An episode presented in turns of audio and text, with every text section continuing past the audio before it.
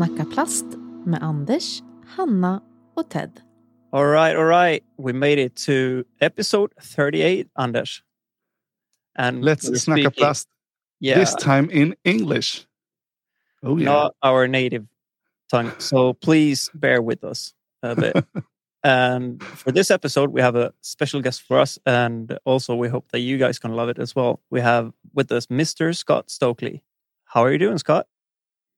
I am doing great. Thank you so much, you guys. I'm really excited. We are too. Awesome. Where are you right now? Tell everybody where you are. Uh, we, my girlfriend and I, are uh, we've been backpacking out in the desert in Death Valley. It's the most desolate part of the United States. There is nothing. There's there's no civilization. There's no houses. There's nothing out here for I don't know 100 kilometers in every direction. You like that? I use kilometers. Uh, huh? Very Oh, good. and um, and uh, so now, now you can't air this in the U.S. because people won't; they'll be lost.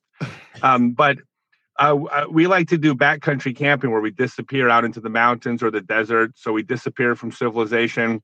Uh, we actually came out of the desert just to do this podcast, connected to a Wi-Fi at this one little place out in the middle of nowhere, and then we're going to drive back into the desert for a few more days.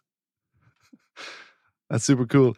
So, everybody, if it sounds choppy sometimes from time to time, um, Ted will edit that out and it will be not as much choppy uh, in the final result, but maybe you'll notice something. But bear with us. Yeah. fault. We, I mean, the fact that we can even do this at all from where we are is mind blowing to me. Oh, yeah. So it's it's it's awesome, but it's um, if you so saw where. I was, you'd understand.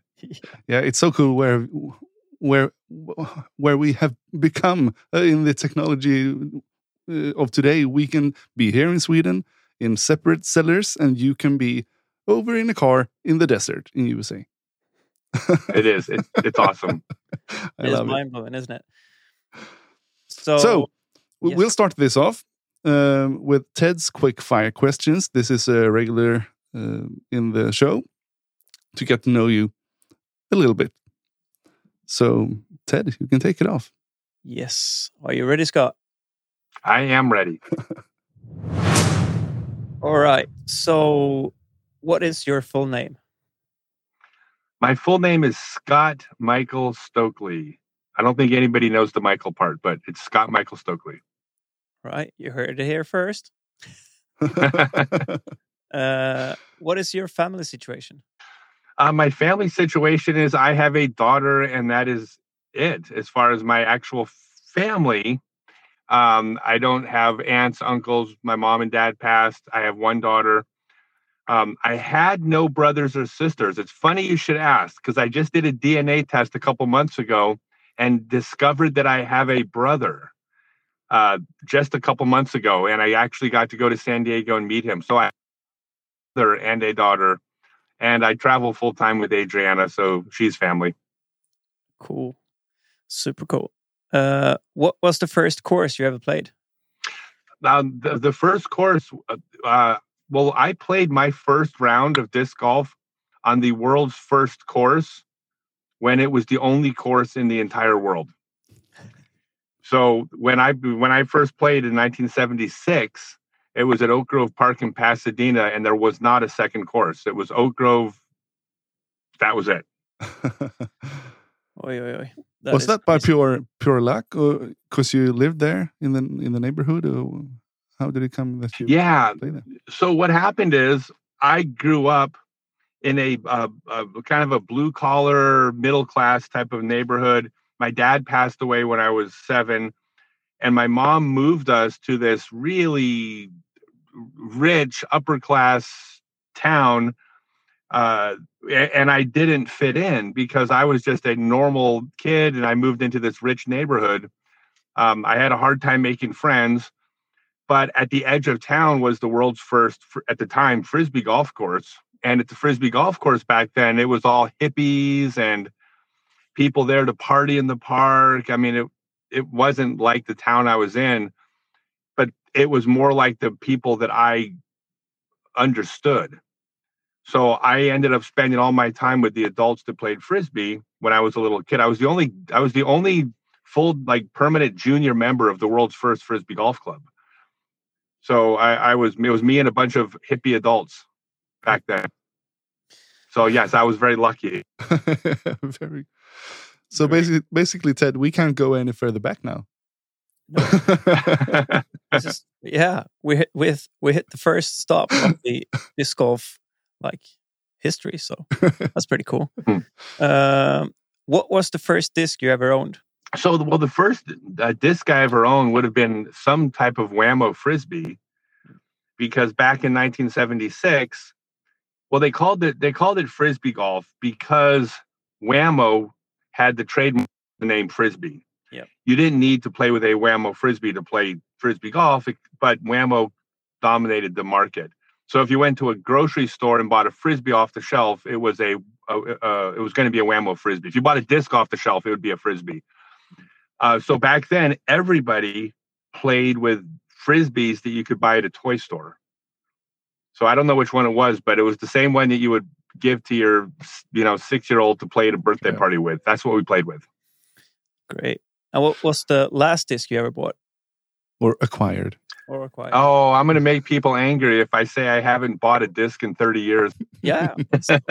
okay. What was the last disc you ever received?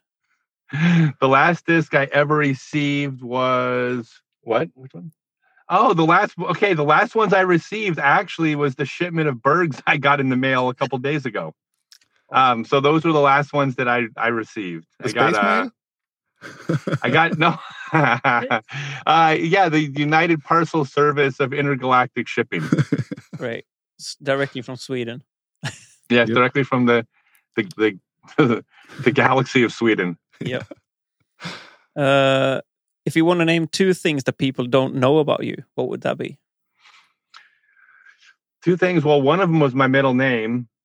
Um, uh, pretty public. I, I'm pretty. I don't know if there's anything people don't know about me. I've shared everything. Uh, yeah, I well, I, re- I released my autobiography last year, and I talked about everything from winning my first tournament to the last time I wet the bed. So I I kind of covered it all. Um, so what they don't know about me is how about this? When I'm not playing disc golf, I'm 100% not playing disc golf. I'm not out throwing frisbees out in the desert. When I I, I, I tune in, do my job, and when I leave it, I I do everything but play. Yeah, That's probably new news. Yeah, great. So, what do you think about the? Is it cilantro? Yeah, it's a special question. We have that because Yeah. it's a si- It's like a sort of a. Yep. Cilantro. I, wait, cilantro? I'm confused. A lot of people don't. Cilantro? Oh, the oh the seasoning?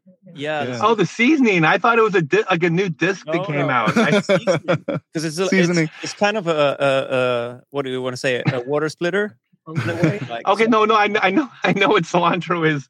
I love cilantro, of course. Wait. There we go. Cilantro, onions, and and peppers are the only thing to put on a taco. Yep, agreed. So Yeah. we have another one in the yay, in the yay Yes. column. Because we're there we kind of we, we want to make a like a stat of this how many people are for cilantro and how many people are against cilantro and i think the the yay are a little bit more than the nays so You're that's pretty now. good Very, very Yes, I, I'm a yay. Very good. That is awesome. so yeah, great. That was the sh- uh, fiery questions. Quick Uh, fire questions. yeah. yeah. So basically, we have some questions for you. Not only the audience will have to, will will have the opportunity to ask you questions. Me and Ted have a lot of ones as well. Yes. So the first one, very interesting. The DNE and me part. Uh, we can call it that way. Uh, tell us more about this. The DNA. About the what The, part? the DNA uh, test you did. So my dad passed. I was adopted. My Dad passed away when I was, seven, and my mom told me that she had my, birth parents' records that I could look them up anytime I wanted to. They were in her in her file cabinet. If I wanted to know who, and I was honestly, I was never interested. I just my, my mom and dad are my mom and dad, not my, not my birth parents. I just didn't care. And so when my mom passed away a couple years ago, I the opportunity Pull up in the file cabinet and look for the names and and I remember staring at this file cabinet for a long time wondering if I really cared or not and I just I realized I didn't care. My mom was my mom. And so I just I ended up throwing the file cabinet out and I never even looked, didn't even give it another thought. And then I told my daughter about it and then my daughter informed me that she was interested. And I realized that I'm a terrible parent because I never even considered if my daughter would want to know about her birth grandparents. Uh, so I, I, I, I felt awful. So I took the DNA test and I put my ancestry information out there. And next thing you know, they connected me to, to uh, my brother, half brother, but same dad. And we connected, and we now we talk on the phone regularly. We're going out there. My daughter's going to come out to visit him in uh, like just two weeks. That's crazy. So yeah, it was amazing. I mean, it's amazing. And now the most important part, not you having a brother. What's your uh, heritage then? Uh, where, where, Oh, where- that part. Yeah. so here's the funny thing. I didn't know anything about my my about my history, my birth history, except I asked my mom two things I wanted to know. What was my heritage? And uh and do I have any medical issues in my family's genetic history? That's the only thing I wanted to know. She told me that my family had no anything. and also that I was 100% Czech. That's what I was told. I was uh, that I was from the Czech, well, Czechoslovakia back then, but I think the Czech Republic now. Yeah. So my whole life I've been Czech. And then I took the DNA test and I have zero Czech in me, and it turns out I'm half Swedish Yeah, that's amazing. And you can't and ha- and- and half British. So Nice. I had, I had no idea. that's very cool. it is. Maybe that's why you love uh, the Barry so much. The bag. The Berg. Barry. The Barry. That's the Swedish name for it. The Barry. Mm. Wait, wait. What is the name? Barry? Is that how you actually pronounce it? Yep. Oh boy, yeah. Americans will never go for that. Yeah, I know. We know. Well, here's the thing. I need I, I I want to be smart and call it by the right name. Mm. But if I call it by a name that people can't Google and buy, it doesn't do Kastaplast any good. Yeah, I know. exactly. So it's it's a Berg, and except when I go to Europe next year or in two years, then it'll be the Barry. Yep, the Barry. Very good. Great. So there's a lot of off-season switches now. We see him all the time now. Just today, I think Eric Oakley came out that he's going to be on uh, Team Infinite for this year, for this season. Okay. And also we had uh, um, Gavin Rathbun changing from uh, Discmania until uh, to Dynamic Discs. I think. Is there a lot of rumors? Is this like kind of normal? Would you say for the season? It it's normal now. It's become normal. yeah. Um, I think it's amazing. It's just it's the evolution of the sport. It's what's supposed to happen. If you were following the NBA, you uh, you know about the top kids in high school. You want to know what college they're going to, and then when they go to college, you want to know who's going to draft them, and and then at some point you want to know what sneakers they wear. So Yeah. it's a natural part of sports. It's just new for disc golf, right? Mm. But I think it's I think it's amazing. It shows people care what people are throwing. Um, I think the the tribalism when people follow manufacturers, I think that's really good for the sport. Mm. Like, there's no reason why an amateur should throw all of one manufacturer's. It makes no sense as far as their score. But what it does make sense is that it's kind of like rooting for your home team. Like if you're throwing all MVP, well, you're rooting for James Conrad, but you're also rooting for Matt Dollar and and and Jordan Castro, and like you're rooting for the the MVP guys and Sarah Hokom, of course, right? Yeah. Uh, Elaine King. So I think that sense of team creates a larger and better base. Yeah. So it's new, but it's I think it's super exciting. Yeah. You Is know, it- you- Anders?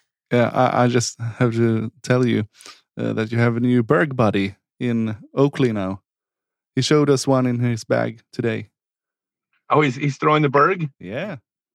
I mean, the I got to call it the Berg. I have to. I'm going to post. So- Um, can I compromise and call it the Berg? yeah, yeah, Maybe. Okay, we'll find a middle ground. Um, I, the Berg is the best disc I've ever thrown in my life. Yeah. I love that disc. I am a very high level finesse player for the first time ever. And it's because of that disc. I love that disc. It is the most mistake free disc. If you have an 80 meter hole and you throw it perfectly, it flies 80 meters. But if you throw it way too hard, it flies 82 meters right? I mean, it doesn't uh, it, it, like the margin for error is so big on that disc that you don't have to be perfect with it to get it to do what you want. I, I it's my favorite disc in my bag. Yeah, I used to be a huge uh, Piranha fan back in the days when you can actually. Same idea. Same idea. Yeah, it is pretty much the same idea. It's just that the the body is a little bit more. What do you say? New, new school, a little bit uh, shallower rim and stuff like that. So it was. Well, I think it's- for me anyway. I think it's easier to grip sidearm. yeah, it is.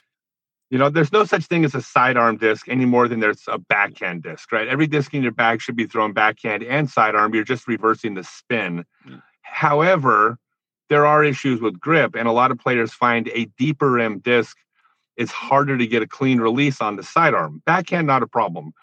So with the sidearm, a lot of players will find it difficult to throw most putters, even though you should be throwing your putters. If you're throwing a 200 foot sidearm, it's a putter shot. It's not a it's not a firebird shot or a you know I'm not picking on the firebird, but it's not an overstable driver shot. It's a it's a putter shot.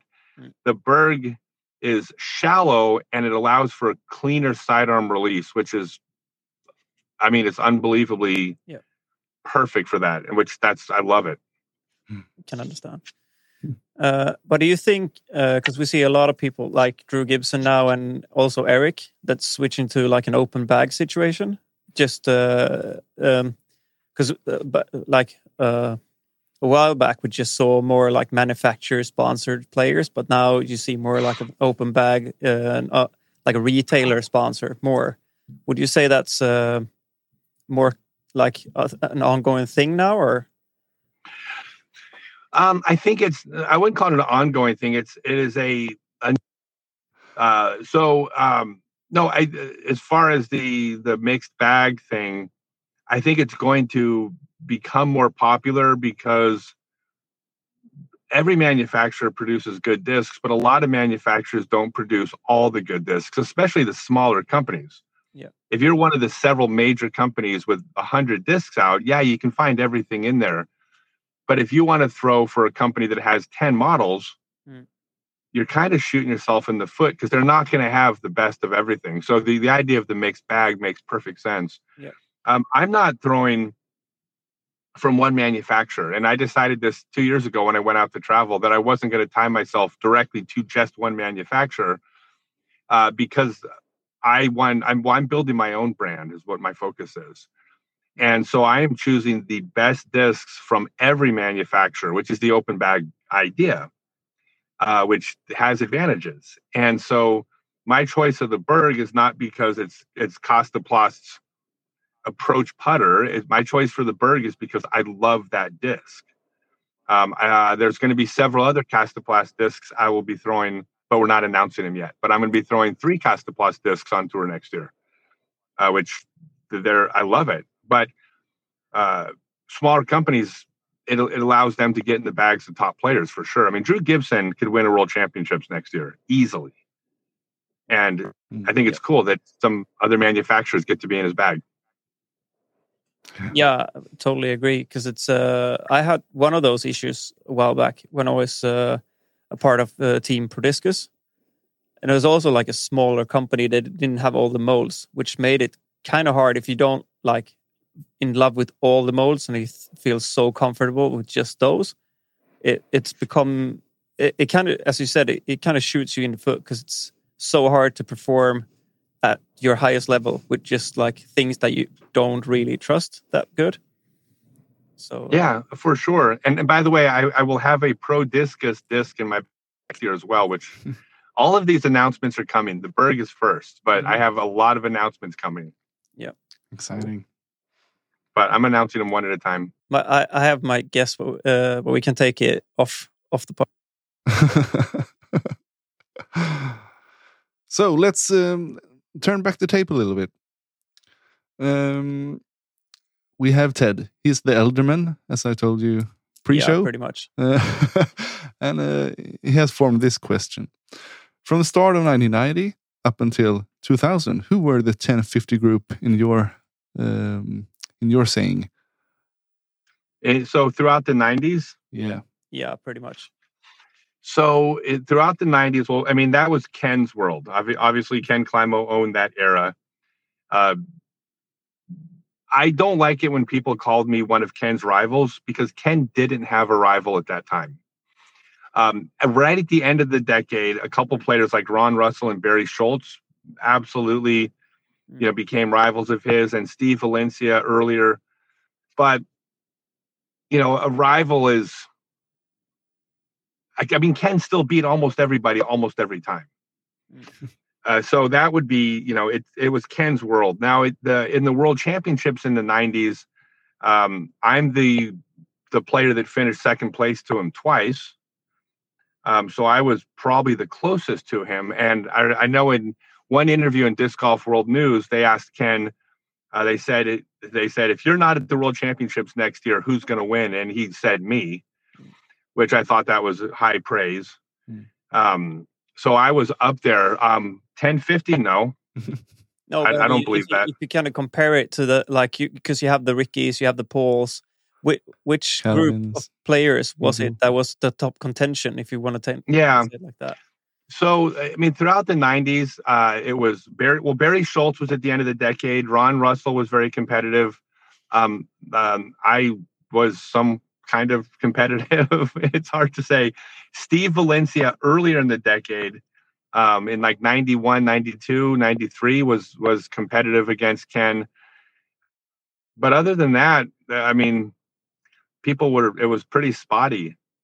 Hmm. Now there was so there'll be by the way, there were so many good players out there. I mean, players like Kevin McCoy and Brad Schick and Mike Moser, uh, Dave Greenwell, Joe Mella, uh, Mike Sayre, Tim Gill.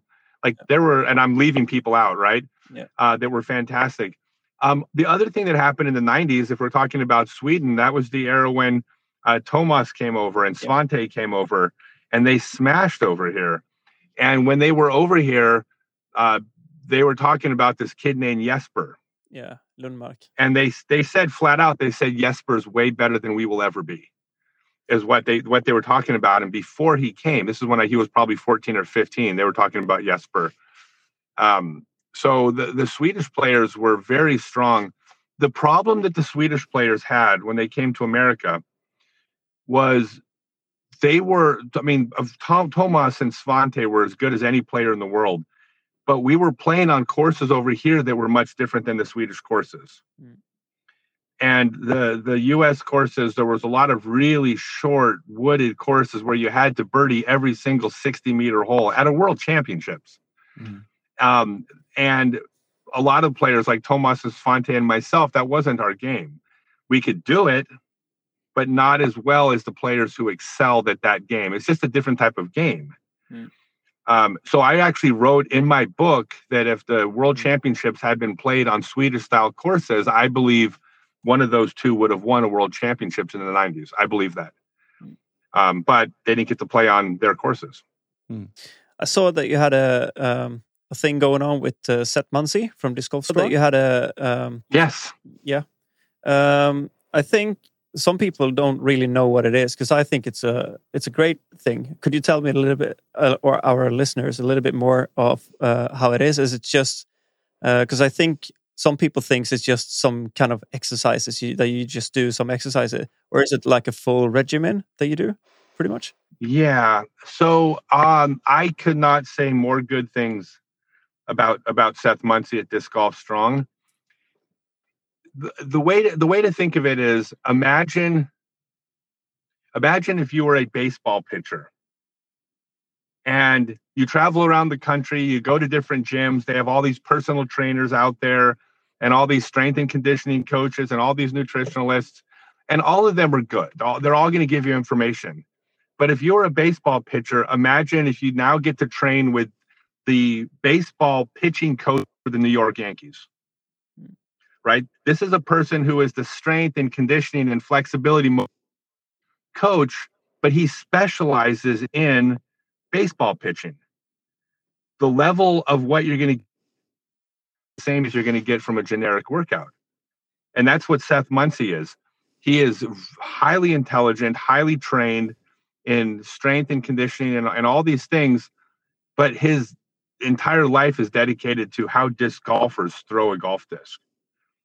So it's not just, oh, you need to make your triceps stronger to get more power on your backhand. He also makes sure that your shoulder is moving the right way. He's making sure that when you brace, your hips are keeping you stable.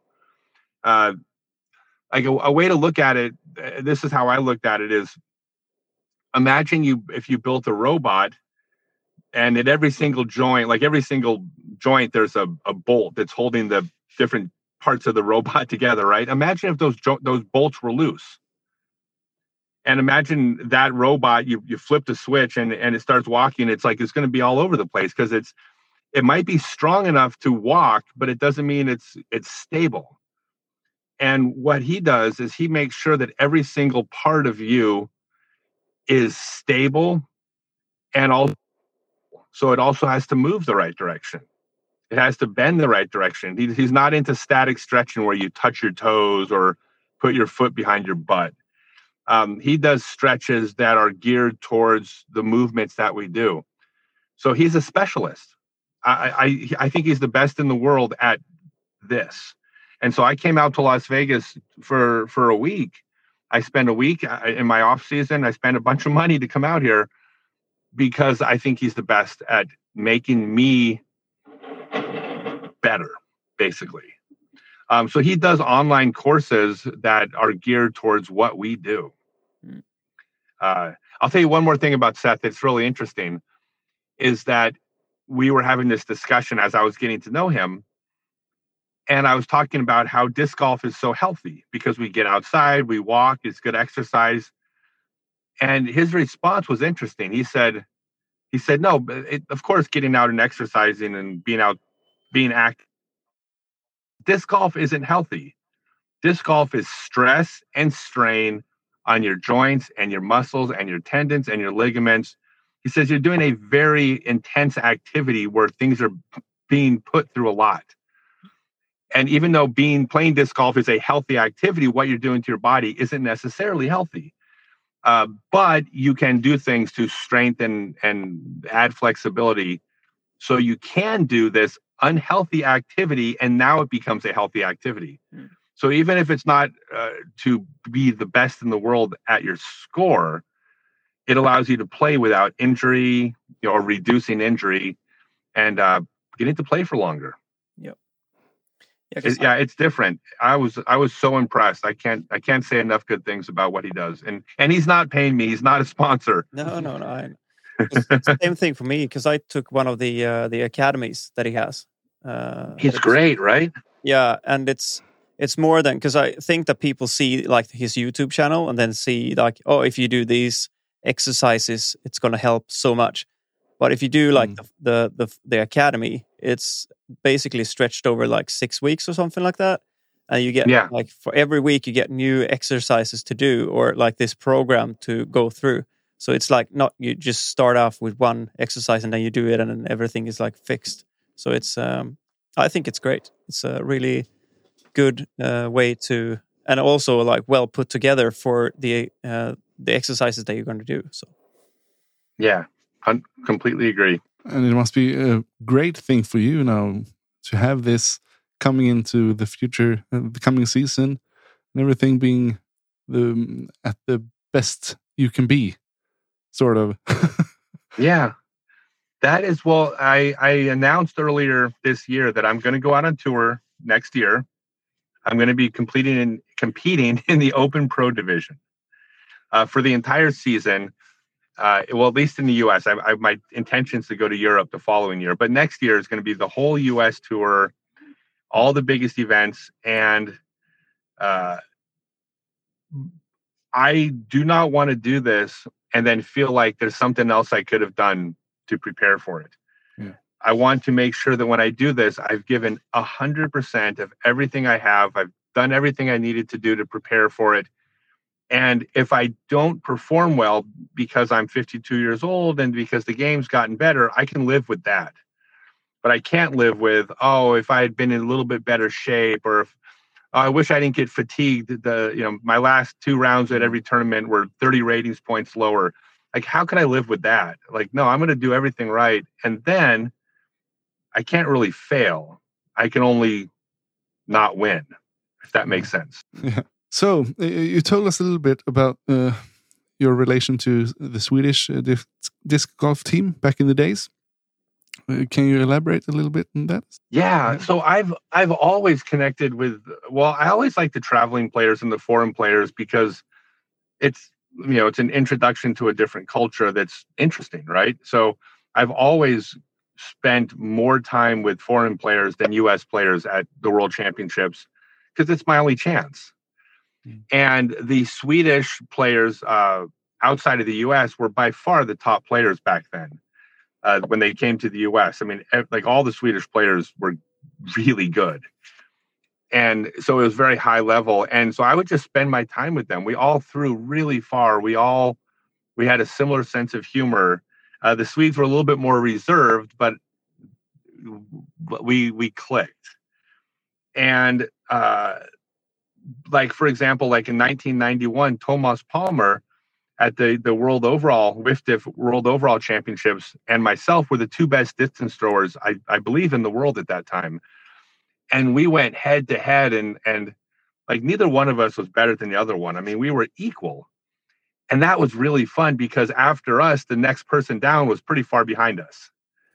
So it was this really great me versus him that everybody knew that's what this tournament was going to be. And like I said, flip a coin, which one of us wins on a given day. Mm. Um, that was cool. Uh, but in 1996, after spending all as much time as I could with the Swedish players, they uh, made me an honorary member of the Swedish disc golf team in uh, in South Bend, Indiana, and they probably forgot about it the next day. Like I never forgot that. I always felt that was such an honor. That's a nice thing. And actually, we have um, we have gotten a, a thing from Hasse. Uh, yeah, uh, you know, he used uh, to be. Nowadays, he's Hasse Tegebäck, but back in the days, he was named Hasse Svensson. Okay. Yeah, and he had a memory of you helping a Swedish player by the name of uh, Dacke. I don't know his first name, but uh, his uh, surname was Dacke. He's from uh, Skåne, down in uh, south, and he lost his uh, passport and uh, all his money. And I think uh, Hasse uh, told me that he did a um, a uh, kind of a fundraiser to collect his money back to. Yeah, I did that. That was in um um I think it was in Port Arthur. Yep. I thought it was Jesper. Wasn't it that? No, I think it was Hasse. Yeah, the the, the guy called was Dacke. I think uh, Hasse has a really good memory, so I think wrong with that. Okay, you're probably right. Yeah, well, he thought it was uh, such an awesome thing to do for a player, and it, it was just like he really uh, kind of look up to you for that to be like the bigger the bigger guy just to help some yeah. stranger from another country. Well, that's the thing. The thing about I do I do tons of things like this because you can you can accomplish a lot and it's really easy. Yep. You know, um, all I did um, was I was at the Fly Mart. I had my table set up, and I just had I just put a jar out, and I said I, I said, hey. Uh, one of one of uh, one of our family, because we're all family, especially back then. One of our family lost their wallet on the trip. Throw some money in the jar, and that's it. I it, it, it took nothing for me to do this and I think we got like I don't know, like five or six hundred dollars or something, but enough for the week. Yeah. And uh, um, it, but I, like I didn't really do anything. It was very easy. It took five minutes to set up a jar and put a little sticker on it. Yeah, but, but yeah, no, I, I remember that. That's great. Like it's somebody has to do it, and somebody has to think about the thought to, just to do it. So I think that's yeah, that's great. Not a lot of people would have done it. So yeah, well, but but probably a hundred people all contributed money, so they all get credit yeah, too. I know. Yeah, of course. but thank you, thank you. I appreciate that. Yes. Yeah. So, um, being the guy you are, and uh, coming back to this golf coming back sort of, uh, while you're coming back to on tour. But how's your view on disc golf today compared to when you competed earlier in your career? Just about everything is better than it's ever been. Hmm. Uh, I I have a pet peeve against the old people that always seem to think it was better back in their day. Um, that's crazy. Like th- like everything about the sport is better now, except for one thing. There's only one thing that I think was better back then. Um, in the old days, because we were smaller, it, w- it was more of a family atmosphere you know, like all the the top players, everybody knew each other. We all hung out because there wasn't that many of us. And uh, the World Championships was a family reunion. We all got together. You would never miss the World Championships. It doesn't matter if, if you hadn't played in the year, you would come out to see your family. Um, that part is going to get lost as we get bigger or get smaller. But aside from that, everything about the sport is mind blowingly better. You know, like look at what's going on with the women's game. I mean, Mm. like it's like it's the coolest thing because this a sport it's a sport Mm. Yeah. it's open to everybody and it took a long time for that to go i mean people like elaine king and julian I mean, Joe K. Cow and TD. I mean, it's there's such a long list of players that had to pave the way for today, but now it's I don't know. It's just it's it's special. It's really cool. It is. I mean, just the the thought of uh, having like equal pay on a tour championship. It's like how wild is that? It's so great. I mean, who would have ever thought about that in the '90s? Even get paid to play disc golf, pretty much. I mean, Right? yeah, Yeah, I, I think I mean all of it is just it's great and it's laying the groundwork for the the the future of the sport. Yeah.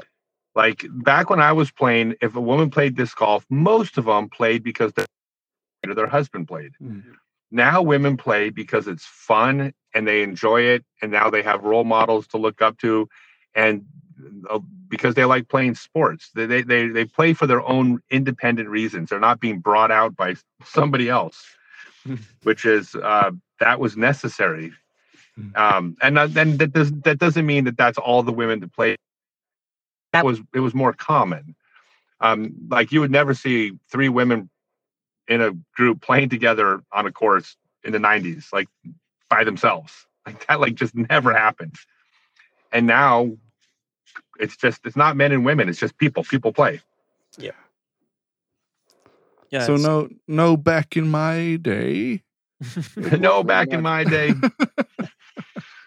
you know, I honestly, I would, I wouldn't trade when I got to play for anything because the thing that I value the most in my life is the connections I made and the people and the community, and to be a part of the sports history. I don't care about the money; that's the last thing that matters to me.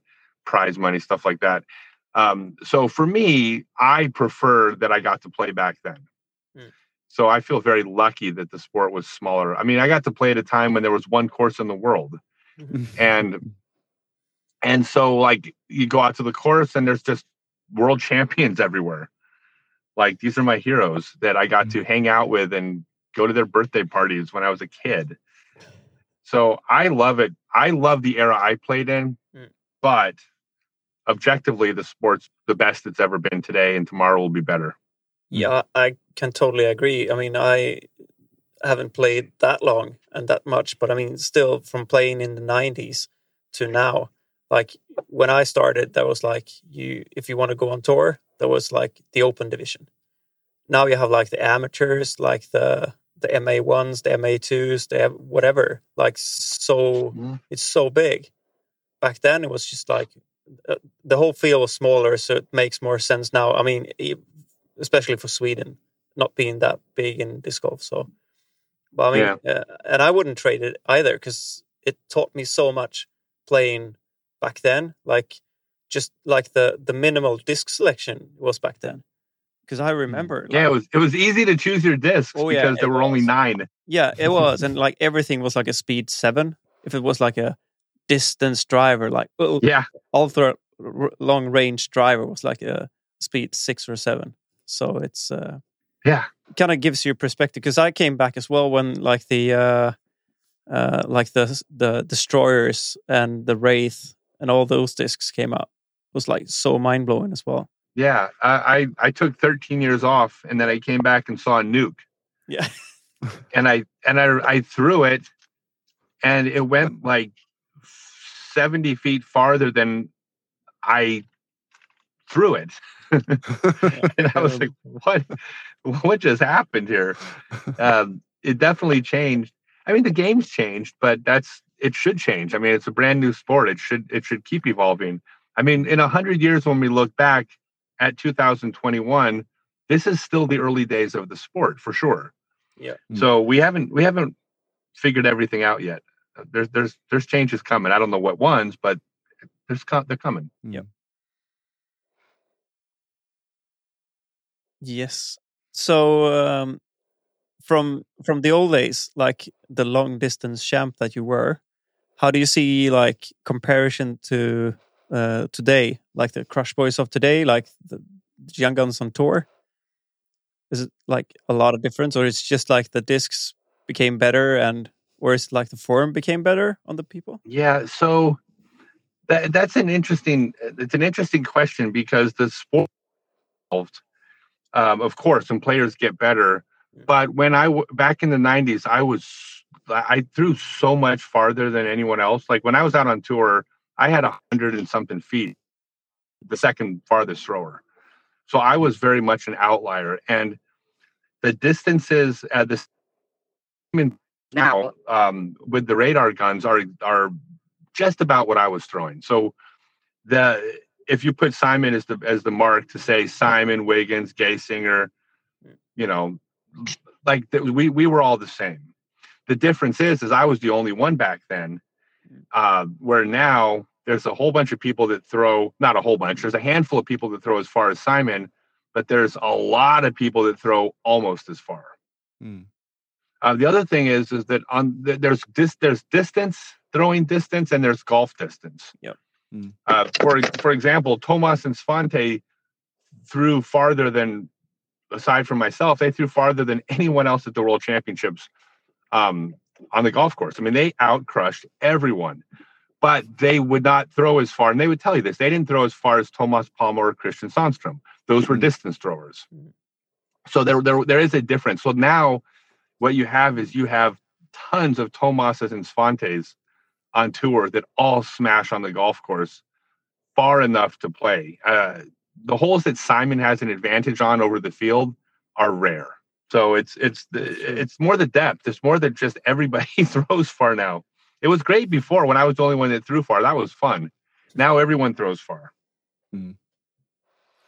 So, uh, can you tell us a bit about what you see uh, as common mistakes that the newer play make nowadays? And do you have some kind of quick solution for them? like, like the the one key thing that you see Yeah. people do now, maybe. Like, do they have a too fast overrun up? No, the, mechanically, um, honestly, the mistakes are getting less and less as as uh, the culture has more and more people throwing correctly.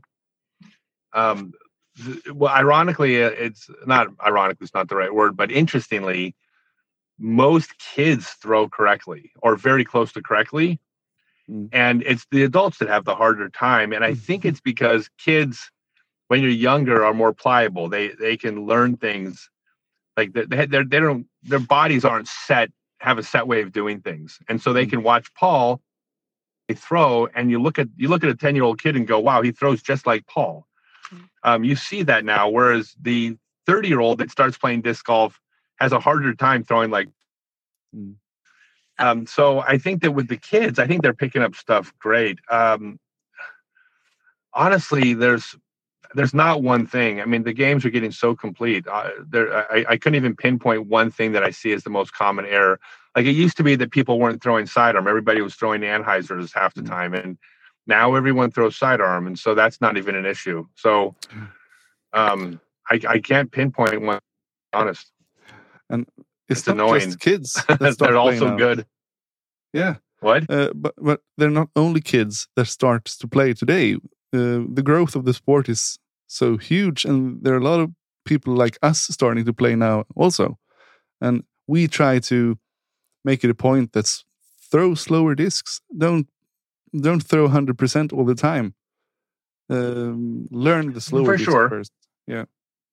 Maybe Yeah, I, I That's think that's point. that's no, that is true. I, I agree.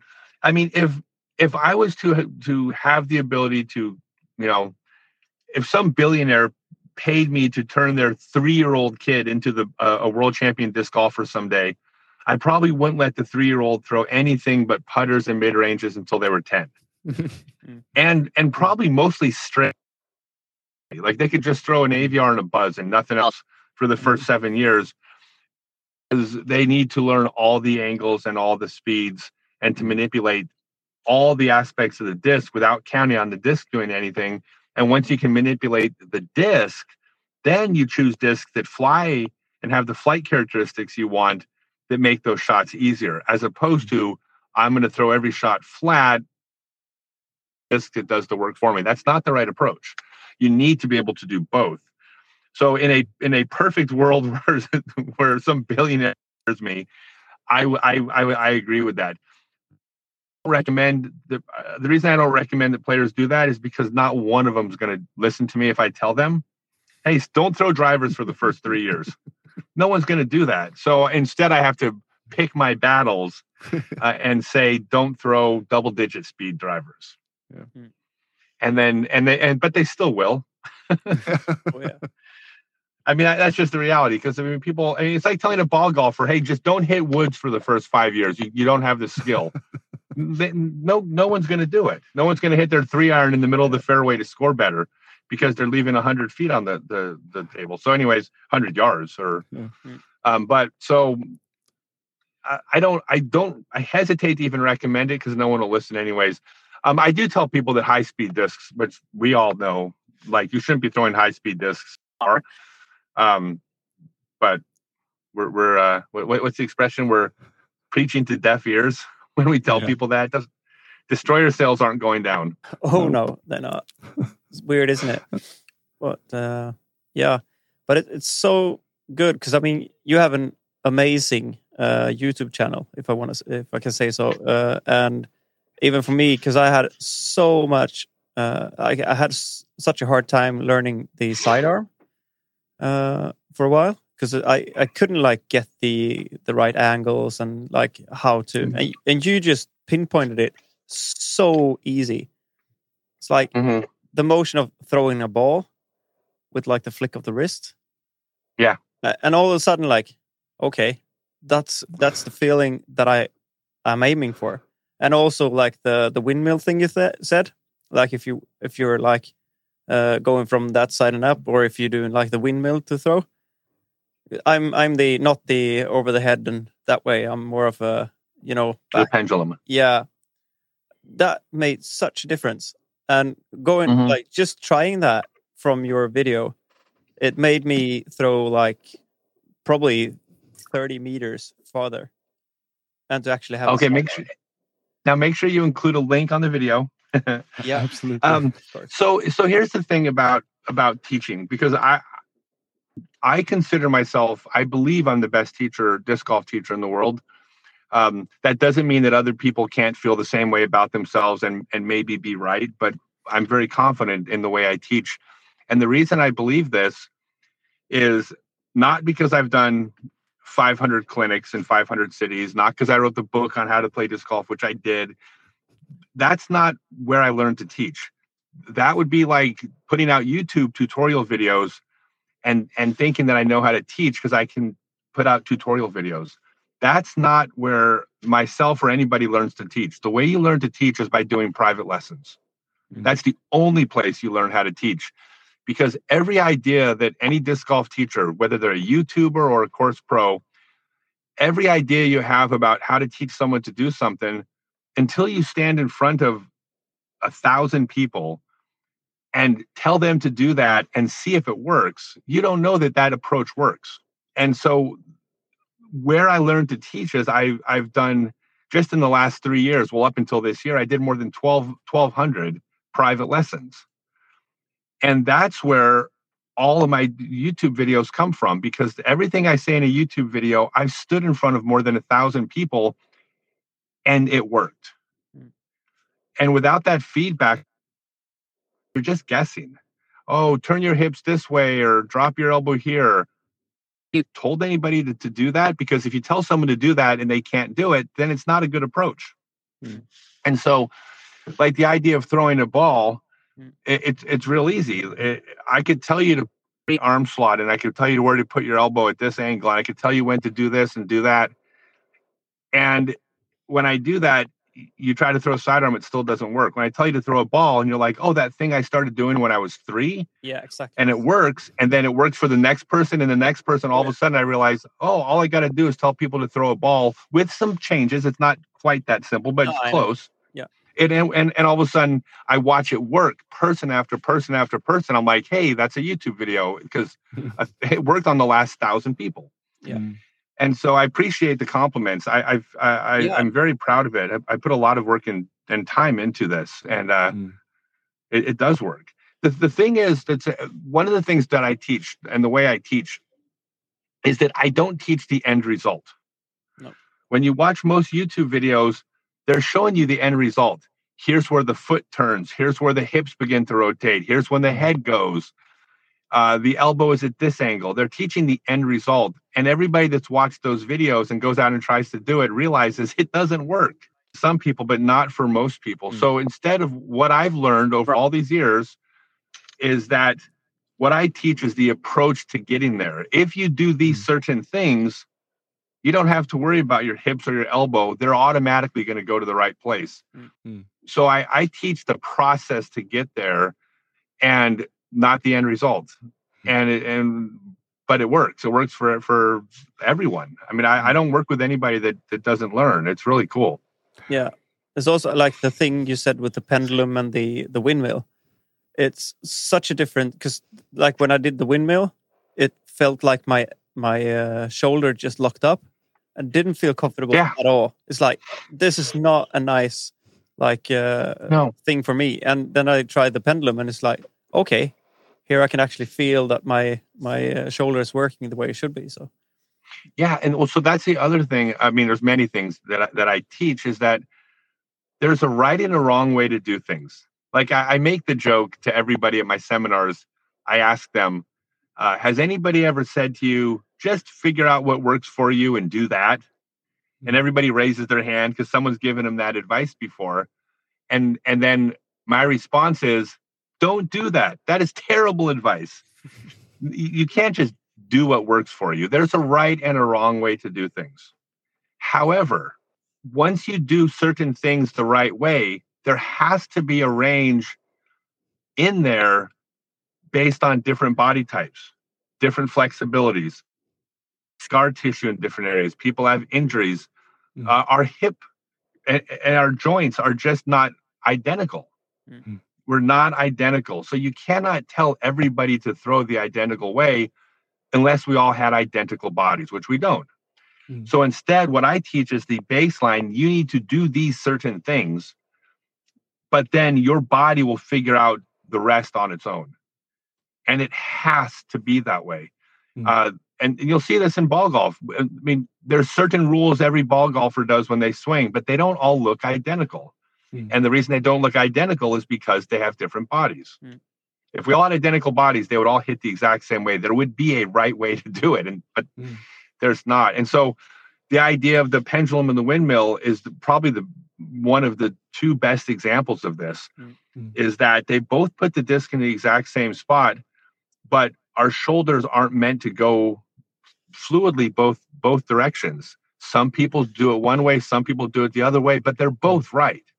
However, you still have to throw a ball, flick the wrist, and do certain things. Yep. But there's flexibility in the backswing choice. Sorry, that was a long answer, but No. it's a great answer. that's that's the whole that's the whole teaching thing. But that's again taken decades for me to figure out Mm. what things are rules and what things are flexible. But knowing the difference between those two is the key. It's the key to everything. So, Ted, you uh, you have told us your favorite clip now. Oh, I, I have mine. My favorite clip of yours, and that's the percentage thing. Uh, play with the percentage uh, percentages to get to the basket. Um, don't fall for the gap in the trees. play the percentages, and I take that with me every round. I go out. I think about your clip. I love it. Yeah. Well, no, it's um, I'm a I'm a nerd, and math math. I'm sorry, but math trumps everything. like I was just in Las Vegas uh, with Seth Munsey for the week, and all you got to do is drive down the strip in Las Vegas, and you could see all these gigantic, massive buildings owned by people who are good at math, Mm. and you see tens of thousands of people going into the buildings who are bad at math. Only one person in that building owns that building. It's it's the only one that's good at math out of everybody. yeah. And so math math trumps everything. But I, I, I want to point something out that's kind of interesting though. Yeah. Um, I've always played mathematically sound golf, the best mathematical golf I could possibly do, playing the correct percentages for the long term. Mm.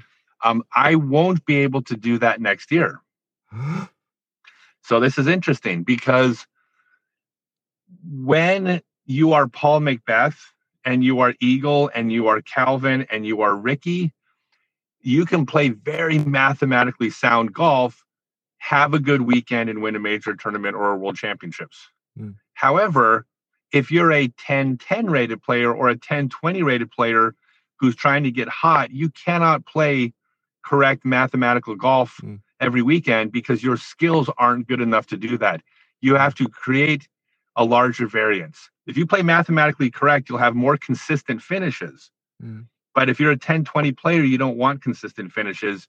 You want to have some bad weekends and then sometimes have a hot weekend.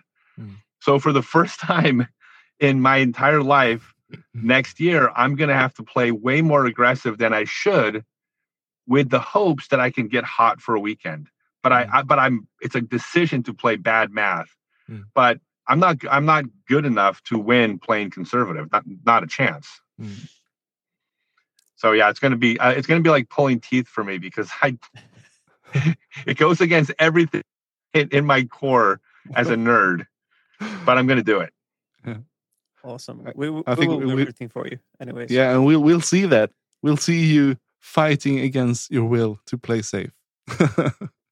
I So- know it's going to be so hard. Well, uh, because when Mm. I play against other 50 year olds, I can I get to be in the pole position. I get to play Mm. conservative and still. Oh, I shot a thousand five for the weekend and and I won MP50. Yeah. That's that's not going to cut it anywhere close. That's not even cashing Mm. on the tour. I also have to give you props on your interviews on your channel. Very good. You're an excellent listener, I must say. Um, and you, uh, yeah, you- yeah, You- are. I, I love the Jennifer Allen one, especially. Um, Oh, she's she's so good. yeah, and very important um, um, things she told us there, having her Mhm. anxiety Yeah. problems and everything. It's very good to get that It's, out of it's the great. Uh, but tell us more about your vision for the channel, I, I'm sorry, it cut out the vision Yeah. for. your channel, the YouTube channel going on. Okay so I, i'm going to keep doing teaching um, but i am basically uh, it's moving into a web series that's going to take place at the very least until the end of next year where i'm starting to talk about my training.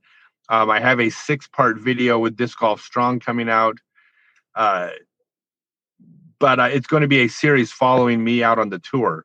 Um, the goal of going out on tour next year is i want to tell a story Mm. and the story is going to be it's going to be the old vet going back out trying to capture one last shot at glory or whatever you know whatever storyline you want to give it. But I, I do think it's an interesting story. I have a large number of older uh, people who follow me. Older probably meaning like above 40 but uh, but older. And i want to to tell a story for them. And so i'm going to be doing a lot more out on tour with just following the tour. Not i don't want to say reality show because i hate the reality shows but but kind of like that. Yeah. you know if, if like i, I want to go spend time with players off the course um you know and i'll name drop and and i'll pull some players because that's good for my channel. They're also my friends also. I won't hang out with people i don't like but i like everybody so it's easy. And uh um, I also do um, like I I do a lot of work in the special needs community, people with autism, and so one of the things that I uh, and it the thing that's been happening the last year and a half. But if I can, I will. Um, I'll be doing a class at a, a special needs and or autism school at every single event. And my goal is to drag all the top players out at least once to help out. Um, in fact, what I'm going to do is I'm going to ask them all publicly. So I won't ask them to volunteer in private. I'll ask them in social media, so they have to say yes. Um, so, but that's but that's part of my story is is th- this thing that I care about that that I'll be uh, in, introducing to them. Uh, one of the things I get asked a lot, and I have a I have a unique answer. I think um, I, I, get asked all the time on podcasts. Uh, what do you, what can we do to get like the younger players on tour to do more things like like I do, which is a lot of the charity work and a lot of the special needs work and a lot of that. And my answer has been that should not be their focus right now if you're in your 20s or 30s out on the pro tour, that is that is when you should be selfish. Like your goal should be all about you, your career, winning world championships, trying to create financial stability. You have a window of time as an athlete. So I don't think that players should be out there doing what I do. I, I I'm I have a different reason for doing things. But what I want to do is plant the ideas so that later in their careers they they can see that the value you can get. Um, I don't mean financial value, but the value in life to giving back and and doing these things. So I really want to just kind of plant the seeds mm. as much as possible uh, with the players because they're all good kids. I haven't met a single player on tour I don't like. They're without exception, I like them all. Um, but right now their focus should be playing. But someday, mm. someday they they have a name they can use that name to to do good. Excellent. Um, are there any stops on the tour that you're really looking forward to this year? Um, all of them. because every single tournament I go to, I I have every intention of winning. In mm-hmm. fact, I believe I'm going to win every single tournament I play. So I can't say that there's any I'm not really excited about. So um, I, I a couple big ones. I I mean Maple Hill mm. USDGC. Those are those are like those are out there. I, I just my it's my favorite course, Maple Hill. To go out there and win out there would be special. Mm. But mm. but they're all good and they're they're all unique and they're all going to be a unique challenge. Hmm. Great. So um, how do you think about building your bag uh, for this season? And you, you have told us that you're going to be more aggressive. Um, but yeah, tell us more How about your thought process for for building the bag. Well, my thought process was, um, I I don't like to.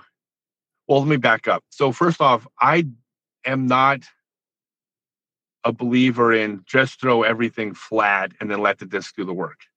I mm. grew up controlling the disc. I think it's a better way to throw to be able to manipulate the angles of the disc itself. Uh, so therefore, I don't need six different mid-range discs of six different stabilities. I don't need one disc mm. that flies three different degrees of beam and, and two models of another. So instead, it's it's real simple. I I, I have a um, I want to. Uh, there's long range drivers, drivers, mid ranges, uh, approaches, which is shorter than mid ranges and, and putters. Uh, of the first four, I'm going to have one overstable, one stable, one understable. And that's it. I don't need three different overstable long range drivers. I need one that does what I what I know. And so the idea of filling the bag is almost going to be as easy as having a, a nine iron, eight iron, seven iron, six iron. Mm-hmm. It's left, straight, right, long driver, mid range, and then approach. And so what I will be announcing, which I'm the Bergs, the first one is I have a disc that fits in each of those categories that I feel was the best disc for me of that category. But I decided I, I didn't build my bag on the discs I wanted to throw. I built it on what I needed my discs to do, and then what discs will accomplish those things. How many discs have you tried out for this? How many auditioned to be in your bag? um, I a lot, but not all of them. Uh, there's something to be said for listening to the best players. Mhm. you know, I mean, uh, I I will be throwing. Uh, well, let- let's say I was going to throw an MVP disc. I, I I'm not going to throw a disc to James Conrad is ruled out. That'd be ignorant. Hmm. You know, James Conrad has already put all the time into figuring out the best MVP disc. So, it hypothetically, if I was going to throw an MVP disc, of course it's going to be one that he's throwing also. So I don't need to try out too many Hmm. um, for that reason. Um, what's been interesting is I'm I there are some smaller manufacturers that I'm just throwing a disc from. Uh, a couple very small manufacturers that had discs that just blew my mind Hmm. uh, as far as what they could do, and I thought they were different than I've thrown from any big manufacturer. So, uh, but I didn't narrow myself to that. I I, I, I was open to everything. Hmm. So that's a very a, a very uh, long-winded way of saying I'm not telling you. Oh, we're looking forward to it because I and I know there's a lot of people looking forward to it as well. What you're going to announce for Tour Series discs. So Yeah, well, I have the disc coming out. I have uh, a cart coming out. I have a bag coming out. I have um, a couple apps coming out. I got, I have all sorts of things that are going to be coming out between now and February. Um, this has been, I, I've never done this before because this is like the sport's at a new level now. Mm. But everything that's coming out now, I've been working on for a year and a half.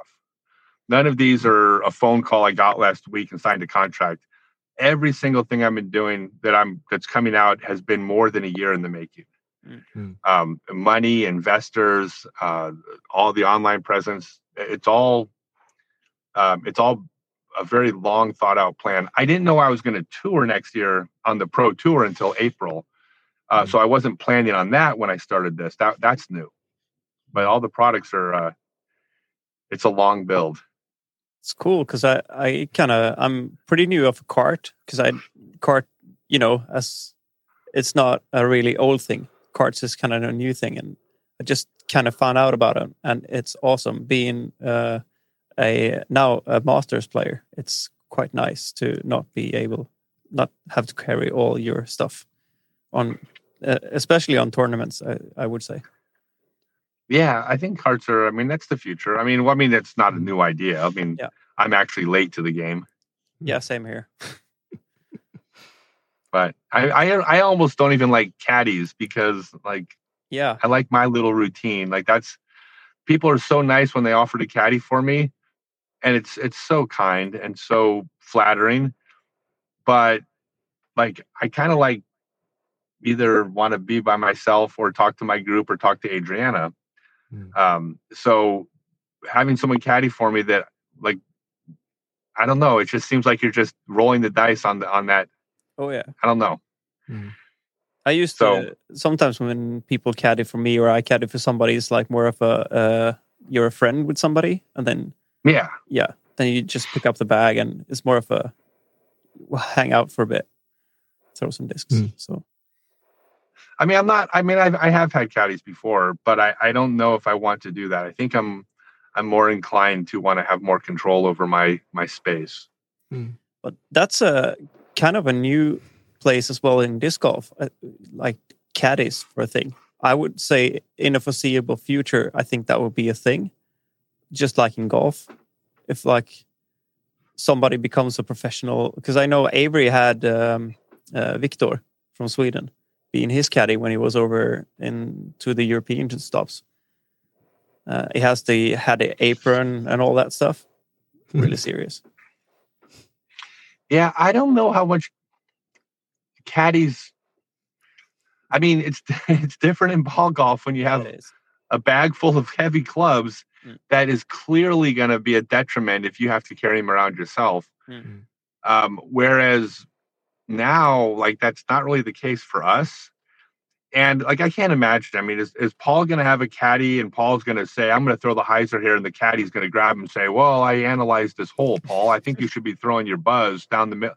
Really, you're going to tell Paul how to throw? You're going to tell a, another like a, a top player what shot they should throw? I, I don't really think that's Hmm. in our future. Yeah. Um, I, I don't even know, honestly, to be this is maybe I'm crazy, but I don't even know how much of benefit that is in ball golf. If they didn't have to carry the bags, I'm not best ball golfers in the world are going to get advice else.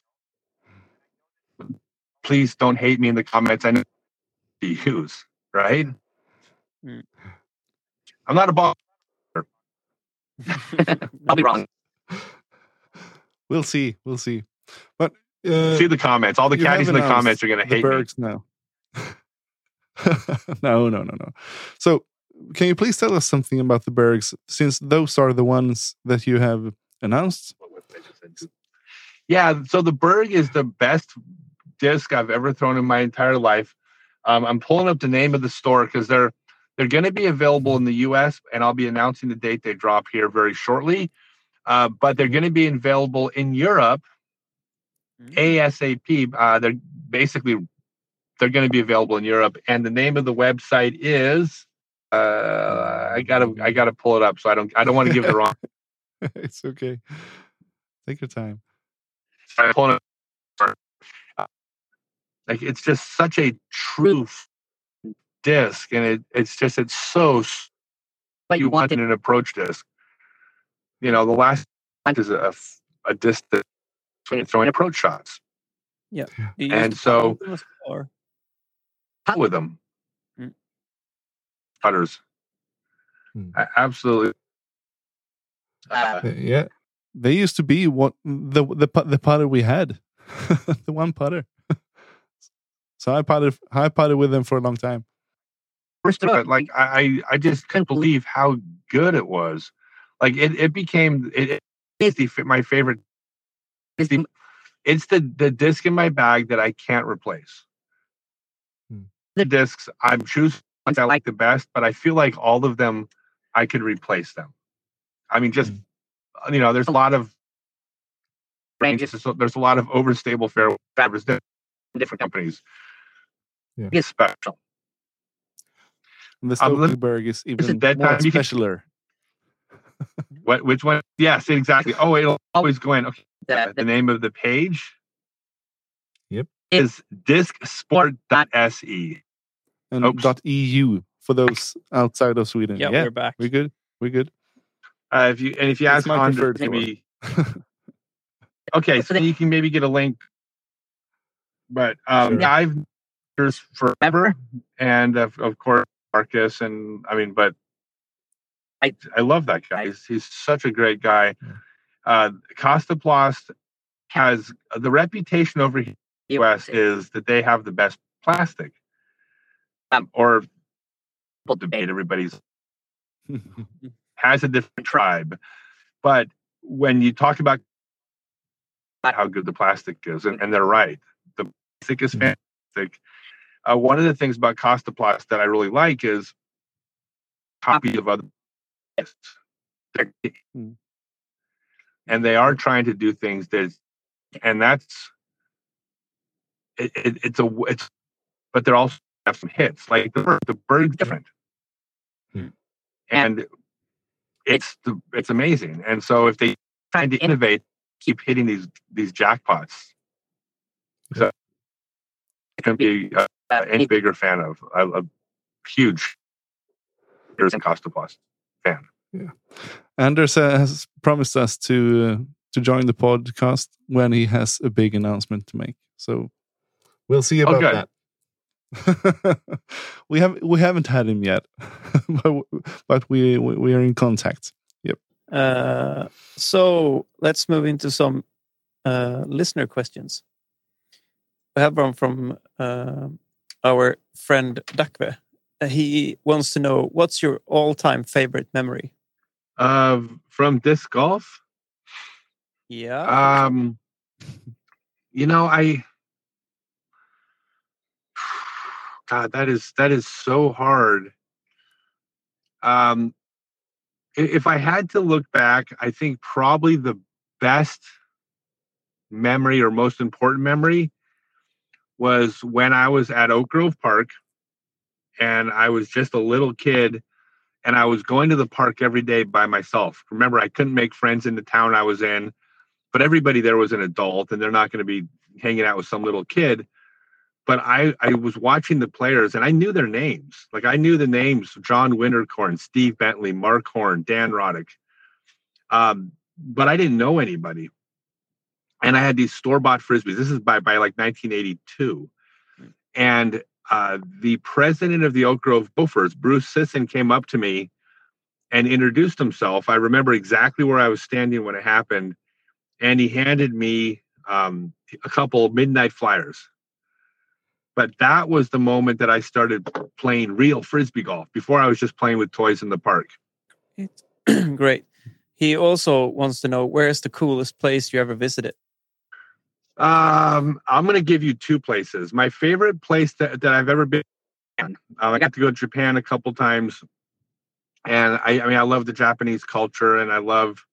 Uh, and by the way, I went to Sweden in 1985. Please don't give me thumbs down because of it. Um, and, and had had a, a wonderful time. But Japan was probably the most. Um, the the coolest place in the world, though, non disc golf related, Mm. um, is the Green River in uh, southern Utah. And I'll tell you real quickly because if you ever come to the U.S. Uh, for a tournament and you have some time, uh, it's a bucket list trip. It, there's a 110 mile stretch of river through the canyonlands of Utah with only one way in or out in 110 miles. And so you have a 110 mile river in a canyon with no roads, nobody's fishing, no motorized boats allowed, and you disappear on the river for uh, five, six, seven, eight days. You disappear from civilization. There's no campgrounds. You just pull to the side of the the banks and try to find a place to camp. Uh, but it is the most beautiful place on earth well, that I've ever been to, and it's affordable. It, the whole thing will set you back like seven hundred dollars for a week. It's nothing, Mm. um, and it's the most and it's the most special place uh, that I've ever been to in my life. So there's, uh, by the way, I'll send you a link. You can include a link. I made a whole video about how to do it. So if anybody ever wants to do it, um, I'll, there's there's a, a I put a tutorial video out on how to how to uh, canoe the Green River. So, uh, Jim, Ted's brother, he, I think the question is quite obvious, uh, or the answer is maybe, uh, but he, he wants to know what is your favorite disc? My favorite disc is the Berg, of course. Um, I'm shooting myself in the foot because I have all these other discs coming out, but it, it, it it's it's not replaceable. Yeah. The Berg Berg is the word. Yep, we got it.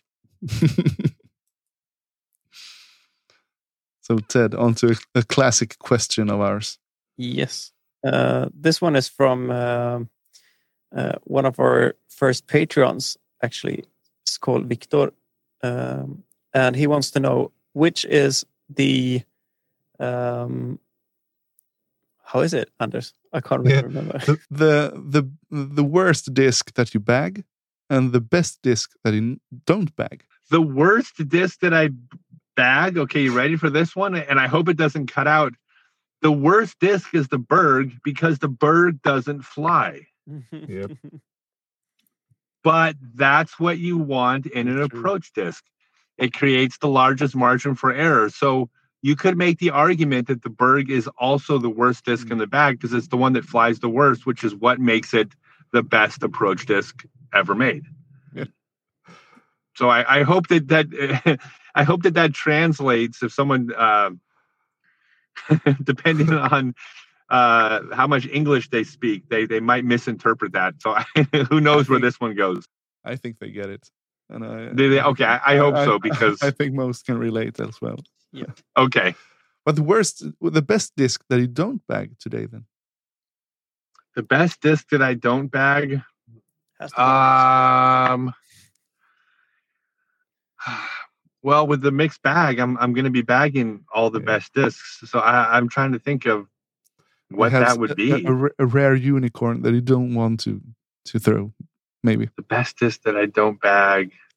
Um, um, uh, uh, the best. The A Hall of Famer, basically. purple cyclone.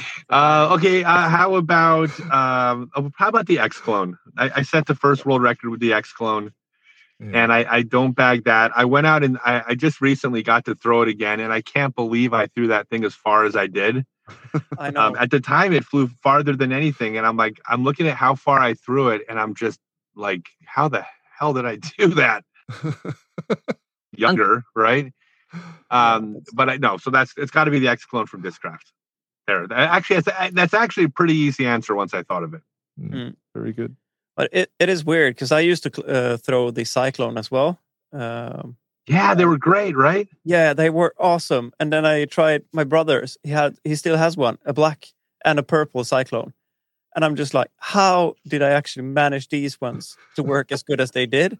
But Yeah, it is like because you have to go back as well. Like it's such a different technique of throwing like the Mm. old old discs as well compared to the new ones. Yeah. you kind of forget. yeah. Well, the X clone, when I threw, when I set the world record with it, it was in zero wind. Mhm, It yeah. was a hundred percent dead calm, and I threw the X clone. It's like a Speed Six disc. I threw it 200 meters, and and and most of my throws then were like 185, 190 meters. So it wasn't a fluke throw. I mean, I was most of my throws were in that range, and that was a very good throw in my range.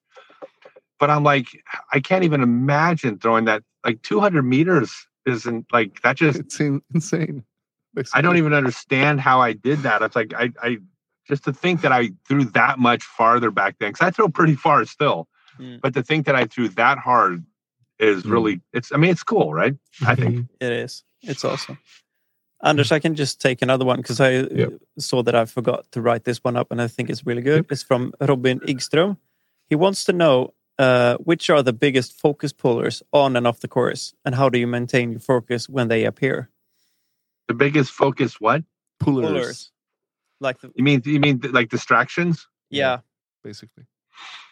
Um, so I, I so I don't have any distractions when I play, um, eh, mentally because one of the things that I've so let me back up. Mental game is very individual. Throwing techniques not. There's a right and a wrong way to throw with range. It's for body types, but there's a correct way to throw. There is no such thing as a correct mental game. Our personalities are so different you can't have one size fit all in mental game. So the mental game that works for me is for me.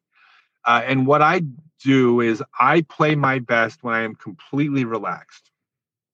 I play my best when I am just playing casual. I don't I don't play my best when I'm intense. It's not where my mind is. It's not where I live my life. I'm not an intense person, so I can't become an intense disc golfer. It's not my personality. Uh, so I don't really get distracted because I play like I'm playing a Tuesday night league in my mind. Hmm. Um, so that takes the distractions away. Uh, for example, I don't really care if a car is driving by behind the basket.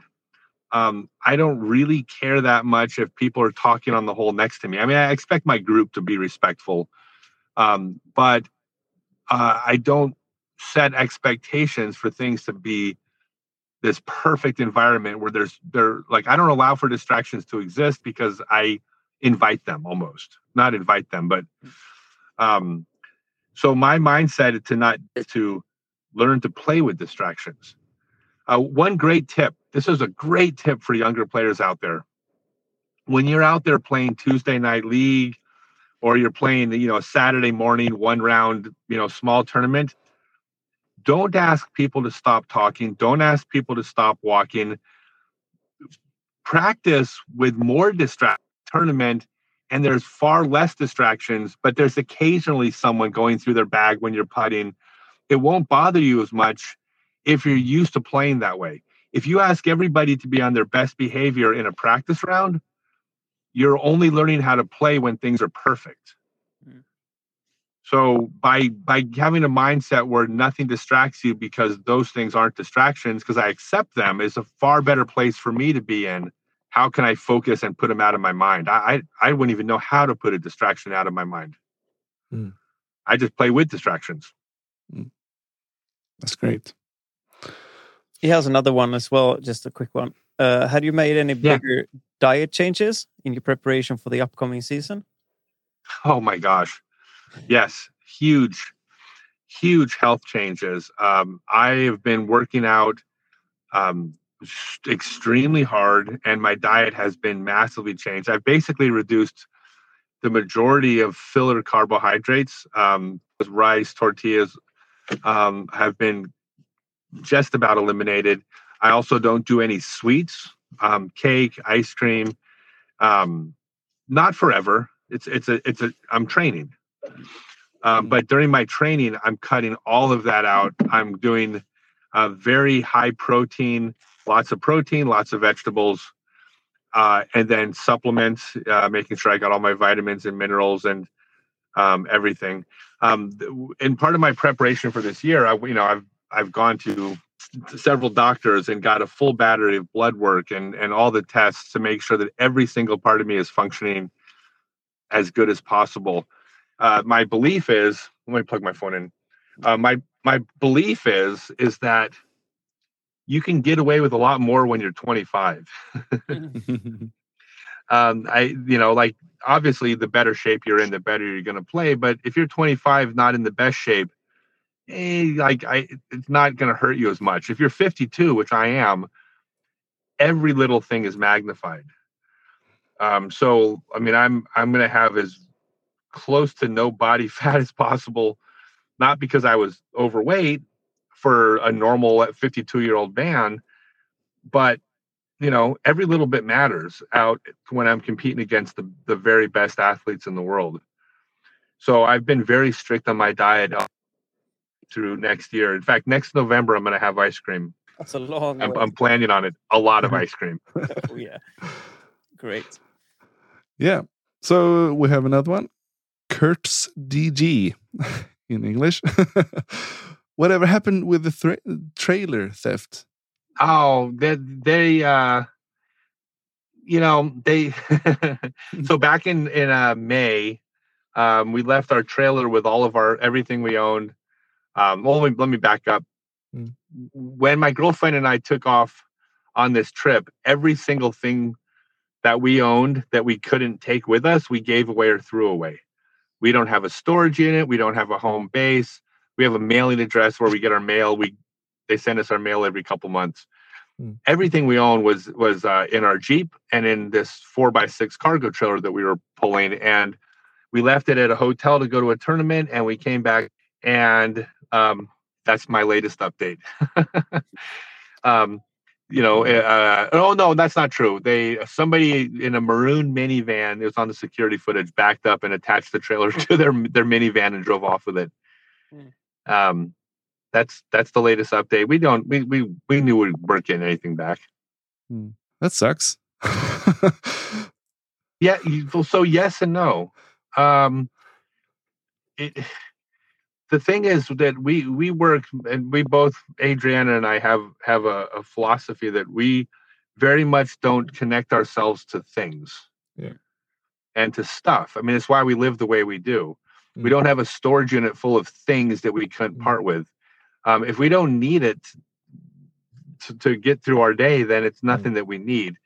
Um, so we lost a bunch of stuff and we had there was memorabilia and stuff from our families my our kids when they were younger. I mean we lost some stuff that Mhm. was sentimental. Mhm. it's still just stuff. Yeah. and it, it was a test of this philosophy. You know Mhm. it, was a, it was a real test to make sure that that's how we feel. But when it, it's all said and done we were like we were joking about it right away. We were talking about one of the first things adriana said when our trailer was gone she said oh well we're going to get better gas mileage. And, and i laughed. It, so it, we really uh, everyone was more upset than us. Hmm. uh, and i'll tell you what's really nice is that the whole disc golf community, like rally behind it, and they were all they wanted to Hmm. start a gofundme page and people were trying to donate money to us and we had to stop everybody. And I, I mean i was so touched by but the thing is is that i charge really good money for my disc golf seminars. I i i, I do well. I'm comfortable. I and so i thanked everybody but we're the wrong people to send money to. Mm. There's people that need it more than us we're comfortable Mm. we're, we're not struggling if we, if we needed it i would take the help but we didn't need the help so i i didn't let anybody uh, give us anything Mm. and uh but so many people offered it was so touching It's beautiful. Yeah, I think it's a It kind is, of it's- sound sound way of living as well, and I think more people should not maybe go like full out if you don't want to, but just get not too attached by stuff, as you said, because it's Hmm. not. Well, kind of yeah i mean and we we just live for the next adventure. Mm. Um, the idea is actually, we'll go ahead and I'll, I'll uh, we can put all these in the description if you want. I we have a link to a video about how we live uh, as nomads and why we live this way. We put in the, the thing, um, and it, we so it's just a matter of what you like. It, it's not a better or worse way. Mm. Uh, there's nothing wrong with liking stuff if that's what makes you happy. Then that's what you should have. You know, if stuff makes you happy, you should go get as much stuff as possible. It's just for us we like the next adventure. So uh tomorrow like tomorrow we're going to be out camping right next to this place in death valley where these rocks floor over years and years. It's called the racetrack. Like that's the that's what we like. So for us Mm. that is our stuff is going to see this geological mystery Are you into rock climbing as well, or just? Uh, yeah, yeah. We, we I like climbing. I'm uh, I do more indoor climbing for exercise. Um, I'm afraid of heights. I'm terrified of heights. So whenever I rock climb, I've never done more than I think about a 70 foot pitch was the highest I've ever done, Mm. um, which was plenty high for me. Yeah, you should do bouldering. Bouldering is awesome. I used to go. Oh, I love bouldering. Twenty years or more. I'm a avid Did you? climber. Yeah, Yeah, I, I love bouldering. Um, I think that I, I've thought that that rock climbing is probably as far as activities go. I think it's the number one cross training sport or activity for disc golf I can agree. because you're it's it, there's so many things core strength and your grip strength and your and your your back it's so strong but it's also balance and focus uh, people don't realize if you've never climbed before that you have to be explosive oh yeah, at at times and you know it's adrenaline is a great motivator to to uh to lifting that last weight if that you know that weight being your body weight but Yeah. um I, I think I think rock climbing is the number one activity. If if I had to recommend something for somebody, Mm. um, to cross train for disc golf, in my opinion. yeah, I can agree. And uh, I also had. Uh, I'm more of a. I'm a arborist at work as well. So Okay. Yeah. Cool. Yep. So not too afraid of heights when attached to a rope. But other than that, ladder. Yeah, I am. Don't go ladders. That's that's not good. Roland Johansson wants to know if you suffer from uh, how do you say cow frightness or if you're afraid of cows. Yeah. Yeah, are you? I, I've I've never I've never heard of that before. I've heard of fear of clowns. yeah, Yeah. but there are some people afraid of cows as well. So. Well, well, actually, I when the reason I started rock climbing was because of my fear of heights. I wanted to get over my fear of heights, so I thought rock climbing was the way to do it. And the the interesting thing that happened that I didn't expect was I did not get over my fear of heights. I got over my fear of heights while rock climbing. Mm. So for some reason, like my brain made the connection that it's like I- I'm not afraid of being on a chairlift because I snowboarded for years. Yeah. Mm. So for some reason, my brain compartmentalizes different heights and says, "Oh, if you're on a chairlift, Yeah. you're You're there. You're not for high. Snowboarding. Yeah, exactly. yeah." And so I so I got over my fear of heights in the in the rock gym. He also Didn't wants to know uh, what's the worst shank you ever thrown. The worst shank I ever threw. Uh, I don't know. That's never happened to me. Yeah. I I, I don't. I don't understand the word shank. You say shank? Yeah, I'm like not if familiar. you if you like shank a shot, if you like grip lock. No, I-. I know, I know, I'm kidding. Um, the uh, no, actually, I will tell you this is a true story. I'm not saying this because I'm talking to you guys, but when I was playing in 1985 in Sweden, it's the only time this has ever happened to me um, while competing. Back on my backswing, and it caught my left hand, and I ended up pulling the disc 90 degrees to the right at the course in Helsingborg, and I threw it out of bounds. It was uh it was like hole seven or eight or something like that slight downhill hole. And uh that was the only time that that's ever happened in competition but it haunted me for years to where i like would not bend the fingers on my left hand in case the disc hit it. Awesome.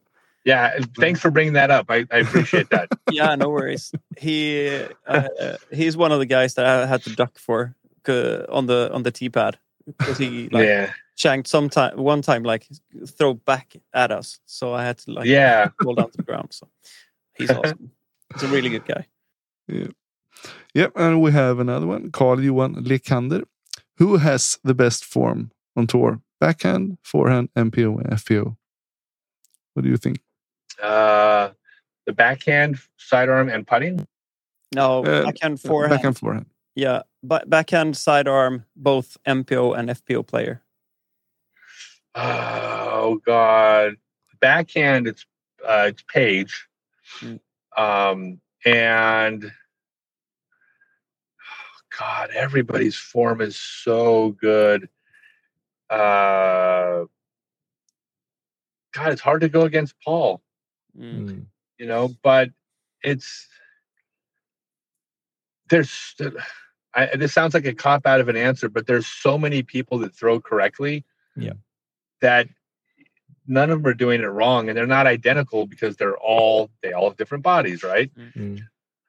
um best sidearm um it's it's it's funny because I'll, I'll i'm gonna gonna go with Sarah Hokom because uh for sidearms because it's sarah um, uh, but i th- there's some things i would actually um i think she i think she's a little low to the ground Yep. how but how do you argue with the best Yeah. woman to ever throw a sidearm Hmm. you know so this this could be a case of me trying to project something onto her that is not the Mm. way her body is is moving correctly so she could be throwing cor- correctly for her and uh in i'm going to say me and eagle. Differently, but we actually don't. we're actually both throwing at about a 15 degree arm slot facing forward elbows in front. Um, we approach getting to that position differently. Um, i think that eagle and i will be the two farthest throwing side sidearmers on tour next year and if i'm mistaken then um, i don't know it'd be fun to throw against them. I'm, I'm still throwing upwards of 550 pretty comfortably sidearm. That is insane. Yeah and i'm old That's by the way so if you adjust for my age if you adjust for my age Thing, it's, it's so this is so childish, but just for fun. Remember Eagle threw that amazing sidearm where he straddled the railing. Yeah, and he throws the 450 foot sidearm from a standstill. So when I'm doing the seminars, just for fun, if people ask, because I can throw over 500 sidearm from a standstill. So just for fun, when they when when they bring that up, which they do often, I go, "Oh, you mean kind of like this?" And then I just throw in like 500. so, um, yeah, I I'm, I'm looking forward, but I'm I'm a fan. Uh, I mean, if, if you ask me who the best player on tour, you know, the best sidearm on tour is, I'm going Eagle. Uh, so I, yeah, this is not just to say anything about Eagle other than I'm a fan. Uh, another guy called Martin here uh, one, wants to know um, how has your game de- developed now when you're older, and uh, is it beneficial? Do you think compared to the younger players having more of a uh, well-rounded background and more of a what do you say? Um, Mm, I've made something to for the mental game, maybe, but all the players on tour have strong mental games. Um, no, it's a it's a disadvantage. Yep. Period. When you're older, you you slow down, and you you you aren't as good athletically as you are when you were younger. I mean, you have an athletic peak. Certain sports have different windows of different lengths. Like a golfer can play a lot longer than a a lightweight MMA fighter as far as their peak, right? But it doesn't mean that it doesn't diminish at some point. Um, I will, you know, I, I expect, like, I'm planning on winning a tournament next year on the pro tour, and if I do, I it's going to be. I definitely do not play as well as back then. Although I do think I, I I'm a better putter now. So um, he also wants to know now that this the sport has exploded as it has, like so many new people coming into it. Uh, is it only just positive? Do you think, or is it some backlash to it as well? I mean, uh, it has to be positive. It's 99% positive. Oh, there's too many people on the course. You know, uh, like I have to wait 15 minutes to get on the first hole. What- What's worse than that? Having a course that nobody played. Oh, so I, I can't I, I can't look at this as anything other than a good thing. Millions of people enjoying this beautiful sport, and we're only getting bigger. And anything that m- makes millions of people happy is mm-hmm. way better than something that makes thousands of people happy. So whatever little things there are get absorbed in, in the in the big picture. It's kind of like the people like every once in a while someone bashes the PDGA. Mm. And it's like you're micro picking on stuff. Like the PDGA does so many things incredibly well and so much good and and like uh, there's such a positive on our sport it's it's kind of unfair to pick on a couple little things and and and be like screw the PDGA they're they're they're ruining disc golf or like you know the, the stuff people say they're they're out of their minds you know now it's okay to be critical and say i think things can be better but the big picture trumps any little things that aren't done the way you think they should be done so i think the same way about the sport the big picture is so positive that Mhm. all any negative Yeah, It's good. Magnus Carlson. I love your YouTube channel. Have you noticed any differences on European players throughout the years? honestly, um, I think that in the 90s, the Swedish players as a group were, were throwing with far better technique than the Americans. Um, the Americans threw correctly for the types of courses we were playing on. Actually, wait, I don't want to say better technique. That's not the right. Let me rephrase that. They were throwing A technique that was much more aligned with where the sport is today as far as actually having power and being able to you know explode off the tee pad um, Hmm. they were ahead of their time um, because like, like i said earlier they were playing courses that didn't necessarily fit their games in the us you look at the technique videos from the 90s just go back and watch and then watch Tomas and Svante throw and Jesper. And if, if you correctly, you would you would say Tomas, Svante, and Jesper uh, were how you would teach someone how to play disc golf. So I, I think that they were ahead of the curve. There was a different spirit. Um, Um, Some of the uh, the, the European players, there was there was a, a lot of uh, camaraderie. I think all the Euro- because they were on the outside coming in. um, I think they probably rooted for each other. other more uh, because they were the outsiders, and Mm. uh, they were fighting for respect. You know, if if one Swede did well at a tournament in the U.S., the entire Swedish team would would Because they're like, well, we're all as good as, as, as this player and this player just did well. Like when Tomas and Svante won world doubles. They they beat all the best U.S. players. They beat all the best players in the world. They won in, and it was like it was a great way of we're just as good as you guys. You just have more of us. I don't know. I've I've always respected the Europe the European players' games, and now it's just stupid. I mean, now it's now there's no difference. The the level of play is great everywhere. Were you there when uh, Birgitta won the worlds? I was not. Lagerholm? That was in 01. Yeah, I think so. I'm not sure. I won't, I Something wouldn't like even that. want to guess it. No, I don't Yeah. call it up either. So.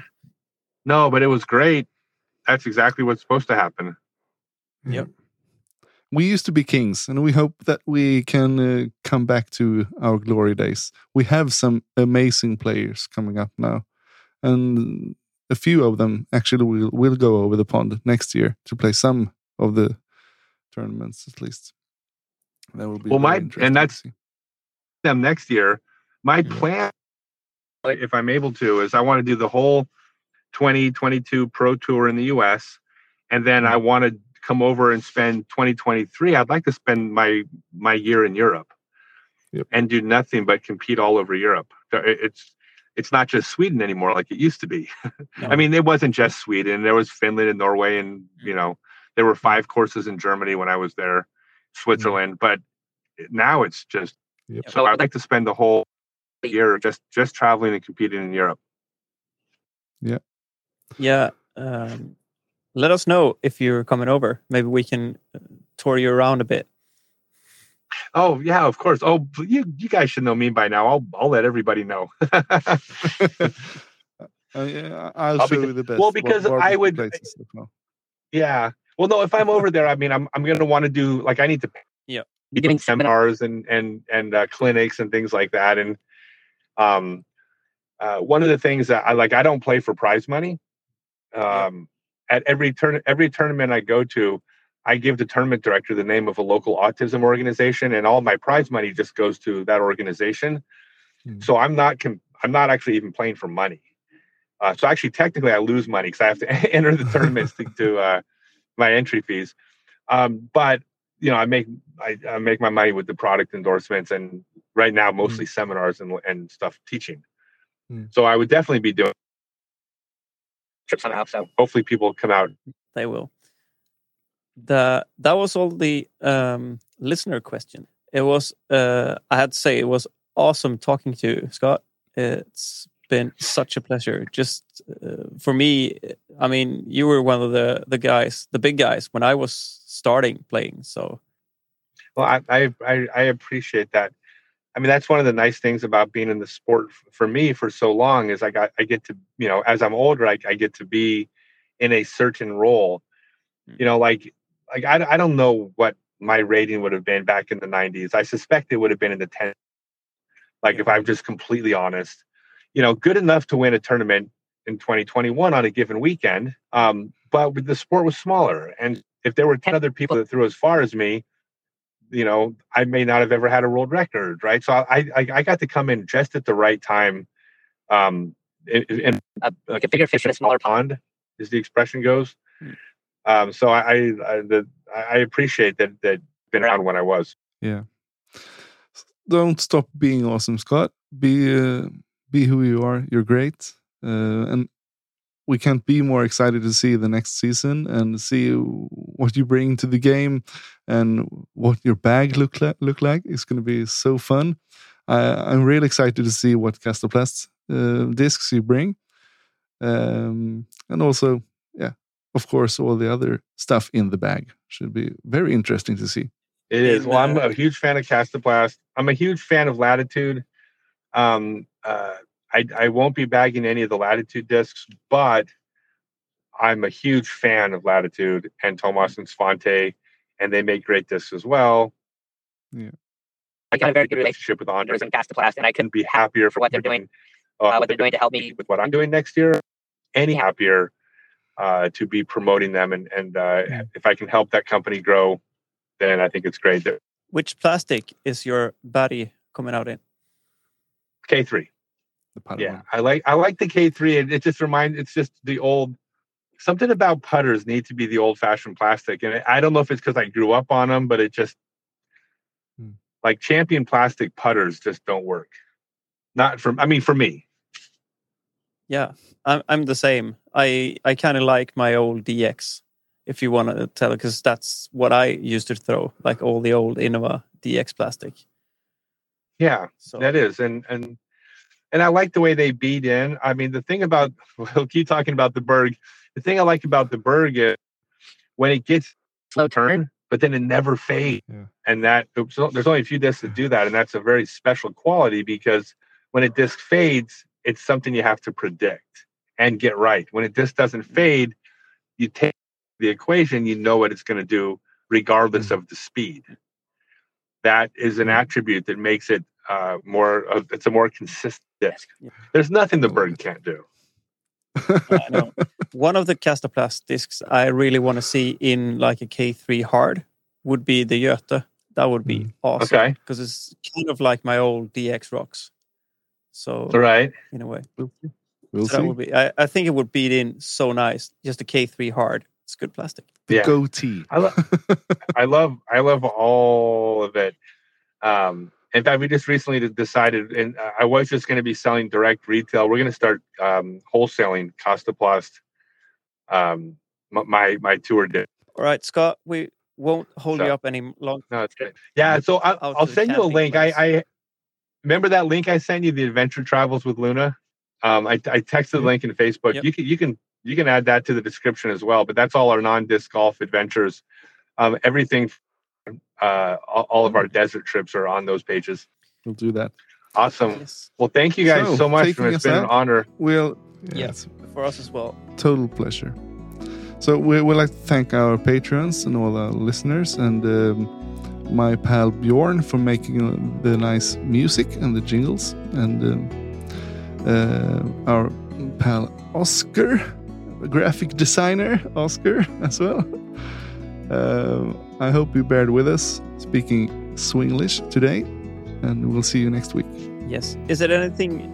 What, what do you want Yeah. to plug yourself? Plug Uh, yourself. Oh, Scott, scottstokely.net. That has that is everything about my clinics, seminars, products, teaching, links to all my social media. Just everything is uh, uh, the, my store that's about to go live. Everything's there. Right. Nice. Great. Okay, Scott. good. Cool. Have Thanks, a good guys. one. Yeah. See ya. All right. Thank you.